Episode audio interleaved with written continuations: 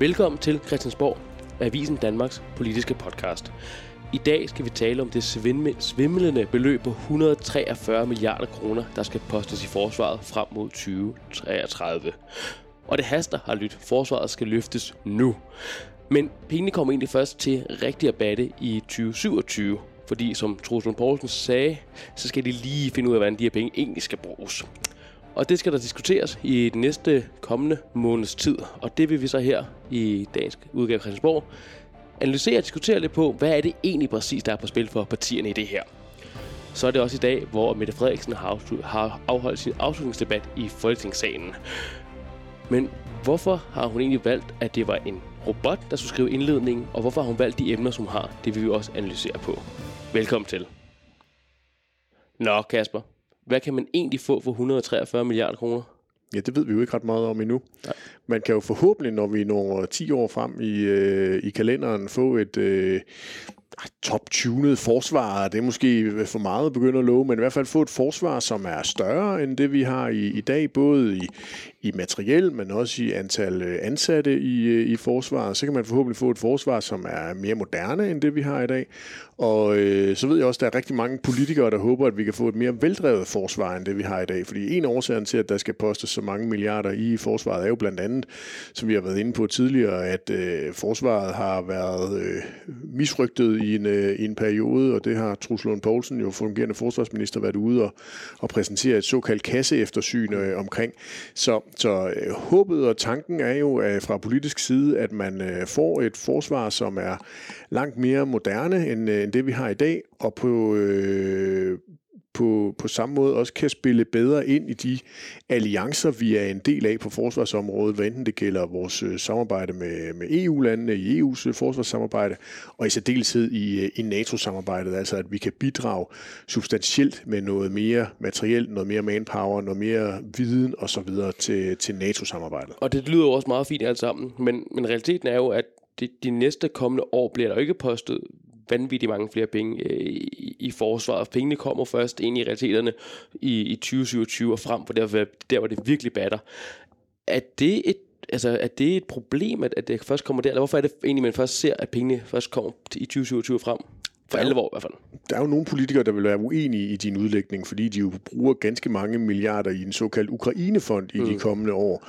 Og der er forventningen fra regeringens side jo, at øh, milliarderne i, øh, i Ukraine-hjælp, øh, krigshjælp til, til ukrainernes kamp mod russerne, at det også er noget, der kan tælles med i, i NATO's måde at opgøre det, at vi skal op på de her 2% af bruttonationalproduktet til forsvarsudgifter. Så, så de vil i hvert fald anfægte din udlægning. Når du, når du har den udlægning, så er det jo fordi, du har kigget ned i regnearket i, øh, i Forsvarsministeriets øh, øh, udspil her, og der kan man jo se, at det er rigtigt, der er en langsom indfasning af de her øh, mange milliarder. Og det er der jo mange forskellige årsager til. Altså den ene, det er, at forsvaret skal jo lige kunne finde ud af, hvad de skal bruge pengene på. Mm. Øh, hvis man øh, placerede øh, 100 milliarder hos dem i morgen, så vil de jo stå med armene ud til siden og tænke, hmm, hvad skal vi lige gøre med dem her? Ja. Og der har politikerne jo nu givet sig selv bedre tid til at øh, i løbet af de kommende år at sørge for, at der hele tiden er nogle milliarder, der skal forhandles om, så man hele tiden sikrer, at man løbende kan følge med den udvikling, der kommer til at være på området i løbet af et, et 10-årigt perspektiv. Normalt har vi jo haft nogle forsvarsværdi, der har været 3, 4, 5, 6 års øh, øh, varighed. Og nu her kigger man altså 10 år frem, og det er jo selvfølgelig også det, der gør, at man kan få så stort et, øh, et beløb, når vi snakker 103 43 mm. milliarder. Øhm, men, men det er jo også fordi, man hele tiden vil skulle vælge tilbage til den her øh, forliskreds, hvor mange partier, der nu ender med at være i den, og sige, okay, hvad er det, vi har brug for nu? Mm. Altså, skal vi sætte mere ind på materiel? Skal vi sætte mere ind på værnepligtige området? Eksempelvis er det cybersikkerhed, der, der viser sig at være den helt store udfordring i 2031? Jamen, så er vi nødt til at gøre noget mere der. Er det beredskabet, vi har brug for at, at opjustere? Og der giver man sig selv muligheden for, øh, og det er jo også smart politisk, altså, der hele tiden er noget at forhandle om, hvor man ikke skal sætte sig ned øh, over i Forsvarsministeriet og vente på, at der kommer hvid røg op, og så har man øh, kigget i krystalkuglen og kigget 10 år frem. Det tror jeg heller ikke, der er nogen politikere, der sådan oprigtigt mener, at de kan gøre meningsfyldt i dag. Der er man nødt til at give sig selv øh, noget mere tid. Og så er der selvfølgelig hele den ting, der handler om, jamen, selvom vi havde pengene i dag, vil vi så rent faktisk kunne gå ud hos nogle af de våbenproducenter, man skulle købe materiel hos, og forsøge at se, om man kunne få noget gear Mm. Nej, fordi der står allerede rigtig mange andre lande foran i, øh, i den kø, fordi de har været hurtigere til at, at bestille og komme ind i nogle produktionskæder og venter nu på, at der kommer noget ud i den anden ende, man kan bruge. Så det vil heller ikke sådan meningsfuldt være, øh, være oplagt at, at sætte pengene af allerede nu. Men hvad, hvad skal de så egentlig øh, finde ud af til forhandlingsbordet? For du selv siger, at at det er nødvendigvis ikke ubåd, der skal sidde og bestille nu her. Øh, og heller ikke nye kampfly, for det er meget langt, øh, langt ud i fremtiden. Så, så hvad skal de diskutere det her næste måneds tid? Jamen der har regeringen jo været meget øh, smarte egentlig at prøve at sige, fint nok, vi kommer netop ikke til at skulle diskutere ubåd. Nu finder vi ud af, hvilke partier vil gerne være med ind i den her forligskreds, og der handler det om at være enige om økonomien. Mm. Være enige om den overordnede økonomiske ramme. Vil man være med til at prioritere alle de her milliarder til forsvaret? Og ikke kunne prioritere alle de her mange milliarder til eksempelvis velfærd, eller skattelettelser, eller noget andet, hvad man nu kunne have af ønsker, når man nu er, er politiker. Hvis der er noget, politikere de er, er rigtig gode til, så er det at finde ud af, hvordan man skal bruge pengene. Men er der øh, nogle partier, som ikke er enige i, at de her penge skal bruges ekstra øh, på forsvaret? Nu har vi godt nok lige haft et års møde i enhedslisten, mm. hvor enhedslisten jo har været med til at, at nedtone deres øh, kritik af militærudgifter, og de har jo også stemt for øh, øh, vores bidrag til Ukraine, og, og de har også været øh, neddæmpet deres tilgang til dansk deltagelse i NATO og sådan noget. Men jeg, jeg forestiller mig, at eksempelvis enhedslisten og Alternativet for den sags skyld har enormt svært ved at se sig selv i et øh, forsvarsforlig, hvor der skal bruges så mange milliarder øh, kroner på, øh, på krudt og kugler og værnepligtige. Mm. Øhm, så for eksempel de to partier vil jo langt hellere bruge øh, milliarderne på for eksempel investeringer i velfærdssamfundet. Men, hvad, men fair nok, så er enhedslisten alternativ måske ude, men de kan vel godt prøve at blive enige om med, med konservative og måske også øh, Danmarksdemokraterne og Dansk Folkeparti, at skal bruges nogle flere penge på. Altså, hvad skal de så diskutere med dem, hvis Jamen, det ikke handler om, om beløbet? Jamen, der kunne man jo eksempelvis øh, være inde og diskutere øh, øh den danske deltagelse i øh, EU's forsvarssamarbejde. Der er jo nogle af de partier, du ramser op der, som gik øh, imod det at fjerne det danske forbehold for øh, vores samarbejde med, med EU-landene på forsvarsområdet, øh, som vi var til afstemning for, eller til afstemning omkring øh, faktisk for et, øh, for et år siden ganske præcist. Øh, og hvor et stort flertal af danskerne jo valgte, at vi skulle afskaffe forsvarsforbeholdet. Øh, det argumenterede Morten Messersmith, Dansk Folkeparti, Folkeparti jo øh, kraftigt imod øh, Inger Støjberg og Danmarksdemokraterne. På det tidspunkt, der havde Inger Støjberg ikke Danmarksdemokraterne. Mm. Der var det Inger Støjberg selv, der var ude med sin første politiske melding egentlig omkring det her med at, at sige nej tak til afskaffelsen af et øh, forsvarsforbehold.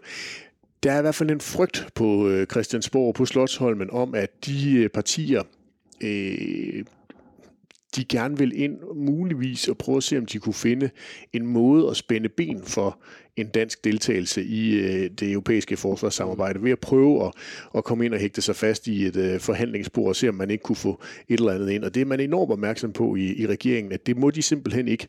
Så tror jeg mere, at de er klar til at, at hælde de partier ud og simpelthen sige, fint nok, så bliver det bare ikke så bredt, fordi de vil ikke have nogen af de der øh, benspænd ind i forhold til, at øh, man skal kunne deltage i øh, det europæiske forsvarssamarbejde. Som andre ord, det er, hvis Dansk Folkeparti og DD skal være med til bord, så skal de ligesom æde den, at forsvarsforbeholdet er blevet afskaffet, og Danmark kan og vil og skal øh, deltage i de her EU øh, øh, aktioner. Ja, og det er mit indtryk, at hvis de begynder at øh, fremføre den slags ønsker, når der kommer forhandlinger. Nu er det jo i morgen torsdag, at der er de første sættemøder, og så mm. går Truls Lund Poulsen, fungerende forsvarsminister, jo ind i et intenst forhandlingsforløb, fordi planen er, at, at der inden øh, udgangen af juni skal, skal være et, øh, et politisk forlig omkring den her rammeaftale, så, så både statsminister øh, Mette Frederiksen og Truls Lund Poulsen, når de skal til Vilnius i midten af juli til NATO-topmøde, kan præsentere en politisk aftale, der viser, at Danmark når frem til, til 2%-målet inden for, for den den her periode. Som jeg hørte, så, så vil Danmarksdemokraterne og Dansk Folkeparti, hvis de øh, begynder at fremføre nogle, øh, nogle ting omkring øh, EU og, og forsvarssamarbejdet der, ret hurtigt blive, blive bedt om at, og, øh, at skrue ned for ønskerne eller øh, forlade rummet. Det, det vil man simpelthen ikke ind på fra regeringens side, og man er enormt opmærksom på det. Men ser du så det som realistisk, at for eksempel Danmarksdemokraterne og Dansk Folkeparti er med i den her aftale, for det er en meget vigtig aftale, det er dansk politik, og især Danmarksdemokraterne har nævnt flere gange, at de vil gerne være et ansvarligt parti, der er med i aftalerne, at, at de så er med i det her. Kan de godt ja, spise det? Det tror jeg godt, de kan. Altså jeg tror, øh, partierne her kan spise rigtig, rigtig meget, øh, eller lade være med at, at, at, at, at fremføre nogle, nogle politiske standpunkter så hårdt, fordi det handler om så mange milliarder kroner, og det handler om, at man skal ind og være en del af forhandlingerne her, fordi en ting er jo, at vi nu sparer i citationstegn snakker økonomi på den anden side af sommerferien og i de næste mange år frem, der vil det jo så i så fald være noget, der er langt mere konkret. Eksempelvis har vi brug for nye kaserner? Har vi brug for nye øvelsesterrænger? Har vi brug for nye værksteder til vores materiel? Har vi brug for alt muligt, hvor der jo netop lige pludselig kan gå landstrikspolitik øh, i den, og det er der jo altså også rigtig mange partier, der meget gerne vil have. Øh, der er også rigtig mange partier, der har allerede har, har øh, borgmestre eller kommunalbestyrelsesmedlemmer bankende på, rendende på, øh, på gangene ja. og, øh, og på mobiltelefonen og sige, hej hej, husk lige at, at kigge i vores retning, hvis der skulle åbne noget nyt i forbindelse med, med de her mange investeringer i, øh, i forsvaret. Og det er jo i den grad nogle politikområder, som øh, Danmarksdemokraterne og Dansk Folkeparti går op i. Så jeg tror, de vil, øh, vil, øh, vil strække sig rigtig, rigtig langt for at få mulighed for at være med her det er begrænset med, man har kunne finde ud af, øh, via åbne kilder i hvert fald, hvad, hvad de her forhandlinger skal handle om. En ting, der dog står, det er øh, omkring værnepligten. En ting er, hvordan den skal opbygges fremadrettet, hvor mange der skal på den, hvor lang tid den skal være der, men også et, det her, om der skal være en øget ligestilling mellem, hvor mange mænd og kvinder, og hvorvidt kvinder også skal involveres i værnepligten.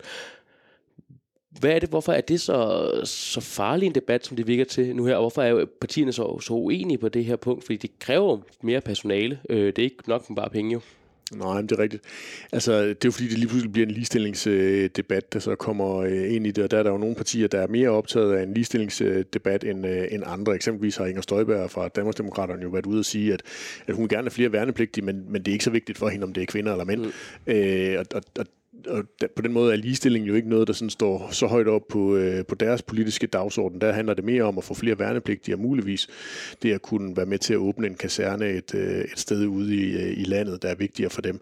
Omvendt har Dansk Folkeparti jo også været ude og sætte meget sådan specifikt øh, måltal på, at de meget gerne vil have x antal tusind. Jeg mener, det var 5.000 eller var det 10.000, det var i hvert fald mange tusind nye værnepligtige, og, og, og der kunne man jo godt forestille sig, at det er ikke noget, som Truslund Poulsen eller Jakob Ellemann, når han kommer tilbage og bliver, bliver forsvarsminister igen, vil kunne imødekomme over for Dansk Folkeparti, fordi så ramler man ind i alle mulige andre problematikker i samfundet, nemlig manglen på generel arbejdskraft.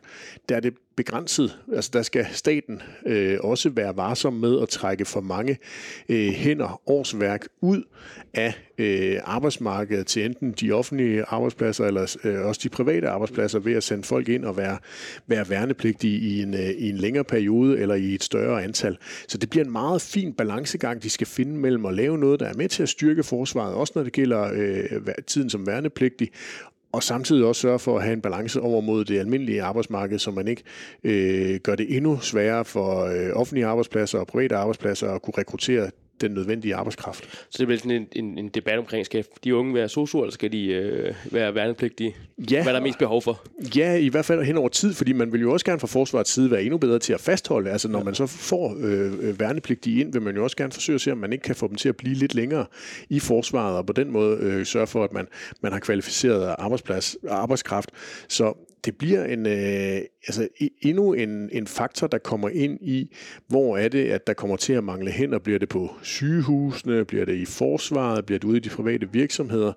Hvis man ikke finder nogle andre politiske løsninger på at, at skabe øh, mere arbejdskraft. Og det er jo så det, regeringen bliver ved med at, at insistere på, også i dagens øh, afslutningsdebat, at det er nødvendigt med øh, flere arbejdsudbudsreformer. Hvor stort, stort tror du, det bliver den principielle debat i, om man skal have værnepligt eller ej. For det er jo sådan, at principielle årsager, så hverken Liberal Alliance eller øh, Radikale Venstre øh, er jo for værnepligt, fordi de mener, at det ikke det skal være tvang, det skal være frivilligt. Tror du, det kommer til at fylde noget? Tror du, du kan se de to partier gå ind øh, og støtte en øget værnepligt? Mm, ja, man kan jo forestille sig mange forskellige ting. Spørgsmålet er, at vi kommer til at se det i den her første runde. Mm. Altså, det bliver jo ganske interessant at se, om, om øh, Folketingets partier ligesom accepterer den køreplan, som, øh, som regeringen har lagt øh, frem. Altså, at man her den første måneds tid øh, primært skal diskutere økonomi og virkelig de overordnede øh, rammer. Måske skal man diskutere en køreplan for de næste to, tre, fire år. Det vil ikke give så meget mening at lave en 10-årig køreplan, men sådan, hvad er det for nogle diskussioner, vi skal have det næste stykke tid? Der kan man sige, at værnepligtig diskussion vil nok være oplagt at tage så tidligt som muligt, fordi det er et helt nyt system, der skal indrettes efter, at man skal være flere personer øh, som, øh, som værnepligtig. Så det vil give god mening at tage den til at, at begynde med. Men jeg tvivler faktisk på, at det er noget, der kommer til at blomstre vildt meget her i begyndelsen, øh, fordi man ligesom måske kan blive enige om, at den diskussion skyder vi lidt til hjørne, og lige nu prøver vi bare at fokusere på at blive enige om økonomien.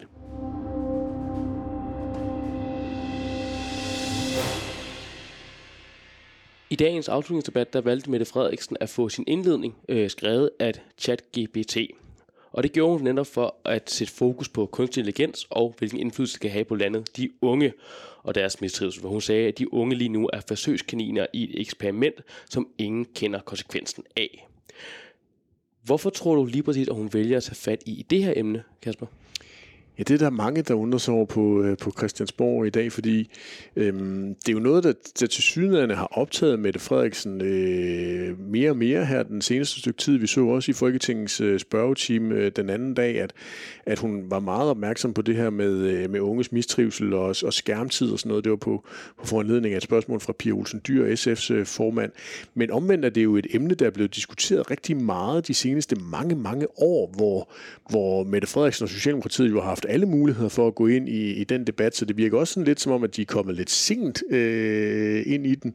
Øh, mange havde jo i dag tænkt, at vi skulle have den store udenrigspolitiske, sikkerhedspolitiske øh, tale fra Mette Frederiksen, dels fordi regeringen jo altså i går lige valgte at præsentere et udspil med, med historiske 143 milliarder kroner i et 10-årigt forsvarsforlig, øh, fordi Mette Frederiksen i næste uge skal en tur over til Washington og møde Joe Biden, fordi vi har lavet den her kæmpe milliard milliard store Ukrainefond. Øhm, det kunne have givet god mening ind i de der NATO-spekulationer også. Men, men nu vælger hun så et helt andet øh, emne, og, øh, og det synes jeg i virkeligheden var, var, øh, var ganske interessant, fordi det blev lige pludselig en meget øh, socialdemokratisk øh, tale, hun holdt. Øh, lige pludselig så byder, byder Socialdemokratiet sig til, når det gælder familiepolitik. Altså, hvordan er det, man skal indrette sig i hjemmene, skærmtid, øh, tech-giganterne, øh, hvad er det for et ansvar, vi som forældre har over for vores børn, den her usikkerhed, der er omkring noget nyt? Hvad er det for en påvirkning, børnene i dag bliver udsat for, og, og hvilke konsekvenser kan det så have om 10, 15, 20 år? Har skærmforbruget, tech-giganterne, øh, det digitale, sociale miljø, har det nogen indflydelse på den mistrivsel, som, som mange unge oplever i dag? Øh, lige pludselig byder de sig ind på, på det her emne, øh, Socialdemokratiet, øh, og det synes jeg var, øh, var ganske interessant. Det var jo fuldstændig blottet for konkrete initiativer. Øh, Mette Frederiksen siger, der skal reguleres mere, men, men man har absolut ingenting øh, på, øh, på, på, øh, på to-do-listen, øh, konkret i hvert fald. Så, så, så det, er jo en, øh, det var jo en tale, der ligesom åbner for nye initiativer fra regeringen, og det bliver jo spændende og interessant at se, hvad det er for nogle initiativer, de, de går rundt og pynser på. Men på den måde var det en, en, en overraskende tale, men jo også en meget øh, socialdemokratisk tale, fordi man dels forsøger at komme ind og sige, okay, hvad er det for en, en, øh, en indflydelse, staten kan have på det her område, og så en anden halvdel af talen, der handlede utrolig meget om, om uddannelsessystemet. Hvordan har vi skruet det sammen helt fra, fra folkeskole til øh, ungdomsuddannelserne til universiteterne og de videregående uddannelser? Tror du, det her med kunstig intelligens kommer til at fylde mere? Fordi det er heller ikke ret lang tid siden, at man kunne læse, var det Marie Bjerre, øh, digitaliseringsministeren, som også var et større interview i Berlin, skal fortælle om det her, og også kulturminister Jakob Inge Schmidt har blandet sig i, i den her debat. Er det også kommet lidt bag på regeringen, at det lige pludselig den udvikling er gået så hurtigt, fordi at det kan godt være, at den har eksisteret længe, og man har kendt kunstig intelligens, men det er jo ikke mange måneder siden, at begyndte at se, det virkelig træde ind og, og påvirker også skolemiljøet.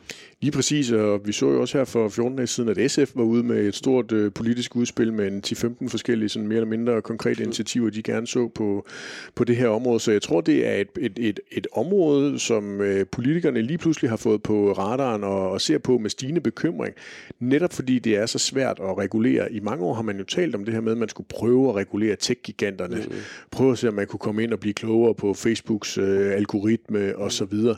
Uden at det jo rigtigt er lykkedes. Og det, det, det kan jo være farligt at stikke sin hånd ind i, i sådan en, en, en vipserede, fordi man kan stå bagefter og være utrolig magtesløs som øh, politiker. Men man kan omvendt sige, hvis der ikke er nogen, der tør gøre det mm. og prøver, jamen så, så bliver det jo rent øh, rodeo og, øh, og øh, ingenmandsland, man bevæger sig ind i. Så, øh, så og det er også et område, der er jo et langt hen ad vejen er EU-reguleret, så noget af det vil jo også kunne foregå i, i Bruxelles og, og andre steder. Øh, så, øh, så, så på den måde er det, bliver det ganske interessant at se, om, om der er mere end bare en afslutningstale fra, øh, fra Mette Frederiksen.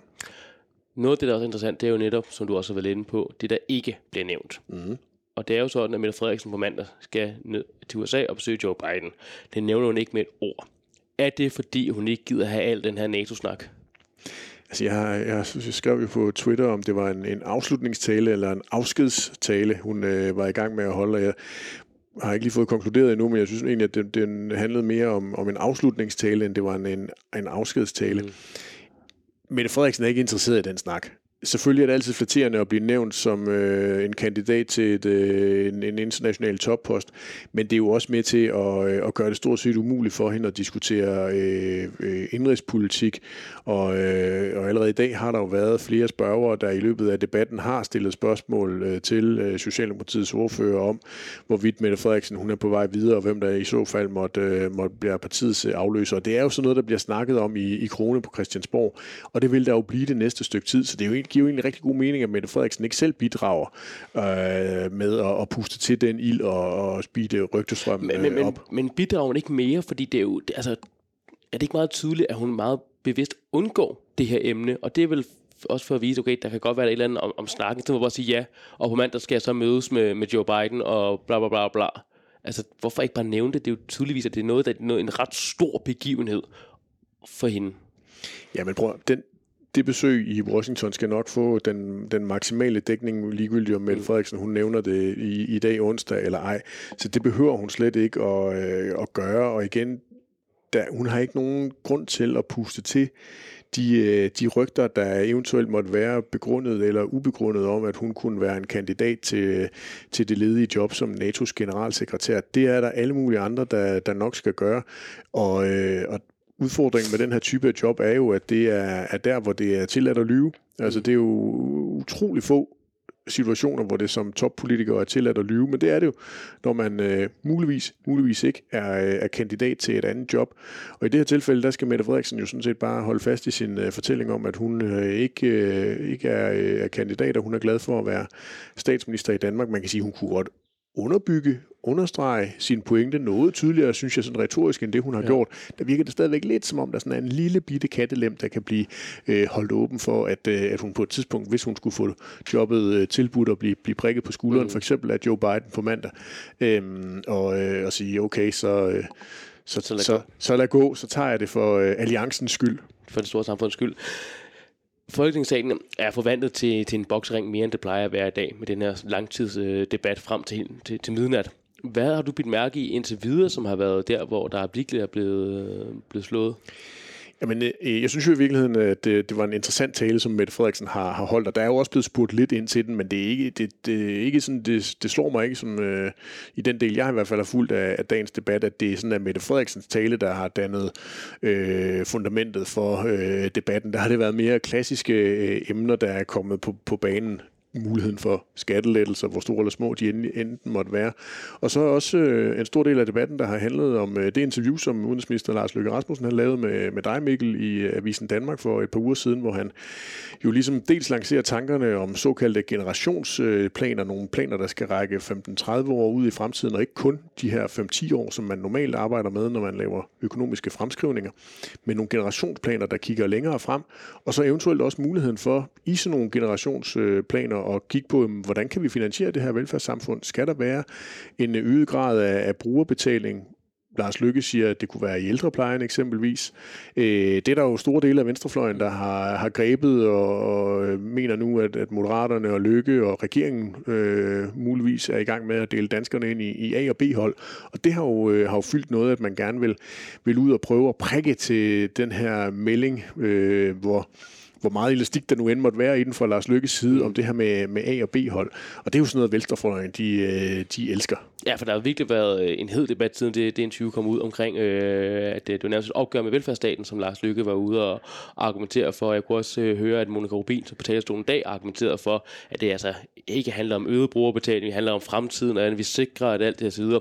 Så det er virkelig noget, der har, har tændt op i, i Folketingssalen. Men det er jo sådan en klassisk Lars Lykke, han har, har gang i her med at lufte nogle store visioner, ganske, ganske ukonkret, og så alligevel være lidt konkret på et lille bitte punkt, og så få antændt en, øh, en, øh, en stor ild med en, med en lille gnist. Og det, det er han altså formidabelt god til, og, og, og han er med til at rejse nogle ganske interessante, synes jeg, politiske øh, debatter, og, øh, og den der med, med fremtidens velfærdssamfund, det er en af dem, vi, øh, vi virkelig kommer til at skulle, skulle høre meget mere til i de, de kommende år. Også fordi det er noget, hvor, hvor regeringen sagtens kan bruge en, øh, en reformretorik. Nu kan de ikke længere bruge den her kriseretorik, som vi har talt om tidligere, fordi det er lidt svært at se, hvor kriserne i virkeligheden, i virkeligheden er. Men, men her kan man virkelig gå ind og stadigvæk bruge noget, noget reformsnak. Men noget af det, jeg har undret mig i hele den her debat, noget der var fraværende, det var det er jo ikke ret lang tid siden, og det var omkring Stor Bededagsdebatten. Der var Nina Schmidt ude i mandag morgen og fortælle om fire forskellige søjler, der troede velfærdssamfundet. Og det her med private sundhedsforsikringer var en af de ting, hun øh, talte om, at danskerne i øget grad køber dem. Det er jo lidt det, Lars Lykke taler ind i igen, at vi allerede ser det her øh, altså det der A- og B-hold med, at de, de, de velhavende køber der mere. Og der var Socialdemokratiet jo meget fremme i skolen og siger, uha, det er altså et problem, vi så gøre noget ved. Men her, så der nævner de ikke igen, altså det her med, at øh, det er en tendens, vi allerede ser. Nej, og øhm, altså, uden at vi skal sidde og lave hver en stor reklame for interviews i øh, Avisen Danmark, så, så havde vi jo også justitsminister Peter Hummelgaard øh, i, i pinsedagene, der havde en lidt anden vinkel på det, hvor han jo også anerkendte Nina Smits præmisser om, at det allerede findes i, øh, i høj grad. Men hans take på det, og det, det er jo sådan en socialdemokratisk tilgang, det er, jamen, selvfølgelig skal der være et privat tilbud for dem, der har øh, råd og lyst til, til det, men at det jo dybest set handler om, hvordan er det, vi investere i fællesskabet? Altså, hvordan sikrer vi, at der stadigvæk er et attraktivt grundtilbud fra den offentlige sektor? Mm. Og der vil Hummelgårds pointe jo være, at det skal vi jo blive, og Venstrefløjens, det vil vi jo blive, skulle ved med at skulle investere og investere og investere i, og så vil vi stadigvæk skulle have et privat tilbud hvor, hvor Lykke jo muligvis vil have en lidt anden fordeling mm. af, øh, af de to ting. Øhm, så, øh, så det er jo sådan en af de der øh, klassiske, gang, klassiske armlægninger. Altså ja, i regeringen på en eller anden måde? Ja, men jo også, øh, jo også efter, at, at, at Lykke jo har været udenrigsminister i et, øh, i et halvt års tid, og har brugt utrolig meget tid i en flyver på netop at rejse rundt og være udenrigsminister, mm. jo nu kommer tilbage her i, for første gang måske, og ligesom siger noget omkring velfærdssamfundet. Mm. Altså, hvad er det, han kan der, og at vi der kommer ind og, og får et lille indblik i, i noget ideologi i moderaterne. Altså, hvad er det for en for en retning, de ligesom kan se samfundet gå i. Og det er jo også derfor, man skal se øh, øh, de politiske modstandere, enten de røde eller blå, kaste sig over Lykke og, øh, og det her interview, fordi det ligesom er blevet et, en, en dør, der er blevet åbnet på klem ind til, hvad det er for nogle øh, sådan politiske tanker, han tænker inde i, i værkstedet i, øh, i Moderaterne. Ligesom da i valgkampen, der kom det her med folkepensionen op. Ja, ja. Altså, der var der også, det tændte også en helt stor debat om, at der måske skulle være en øget bet- brugerbetaling derpå. Men det er jo fordi Lykke er Lars Lykke, og han er den der øh, magnet i øh, dansk politik, at når han siger noget, så suser alle derhen for at være klar til at, at diskutere med ham. Og, og når der nu er en bred flertalsregering hen over øh, midten, jamen så er det jo både røde og blå, der, der flyver derhen. For han kan et eller andet, fordi at det her med ældreplejen øget brugerbetaling, det var ham selv, der, der, der, der sagde det alene, men dagen inden havde Nikolaj Vammen jo kommet med nogenlunde samme forudsigelse i fremtidens øh, velfærdssamfund, der kommer til at være behov for reformer og så videre, men det fik ikke nær så meget opmærksomhed, så Lars Lykke kan på et eller andet med at tænde øh, folketingssalen. Jamen, Lars Lykke er Lars Lykke, og det er jo også derfor, han har øh, minimum ni politiske liv, at øh, han er øh, vanvittig god til at, at finde de der øh, emner, der, der kan holde en politisk øh, debat i gang.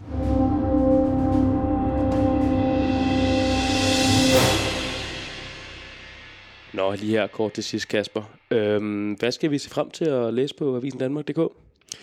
Jamen, øh, jeg håber jo af, af mange forskellige årsager, at øh, vi kommer til at høre meget mere om øh, Mette Frederiksens øh, besøg i øh, Washington. Lige nu der er jeg i, i et biokratisk øh, limbo med, med den amerikanske ambassade i, i København om, hvorvidt at jeg kan få lov til at, at komme med ind, så jeg kan, kan komme med ind i, øh, i det hvide hus og overvære det besøg. Så det, det håber jeg jo selvfølgelig både af på læserne og lytternes vegne, men jo også i høj grad på er personlige vegne, på personlige årsager, at, øh, at det kan lade sig gøre. Det, det vil utvivlsomt komme til at fylde øh, rigtig meget i øh, den kommende uge, og så imens at Mette Frederiksen hun er i Washington, så har vi jo grundlovsdag i Danmark, og det plejer jo traditionelt at være der, hvor nogle af de borgerlige partier, de lancerer nye initiativer og tanker, fordi de røde partier, de har 1. maj, som de plejer at, at indtage, og så øh, er der, øh, er der sådan lidt, øh, lidt mere borgerligt blot fokus på, øh, på grundlovsdag, men det kan jo selvfølgelig være, at, øh, at der er andre partier, der, der vil et eller andet i deres øh, grundlovstaler, og så skal de jo endelig bare have fornøjelsen af og, og prøve at se, om de kan få sat en dagsorden der. Men det er jo i hvert fald nogle af de ting, der sådan rent kalendermæssigt øh, er i den kommende uges tid. Husk at øh, abonnere og følg os der, hvor du henter din podcast, så kommer vi nemlig automatisk op. Det var alt, vi havde for denne gang. Tak for nu. Vi lyttes ved.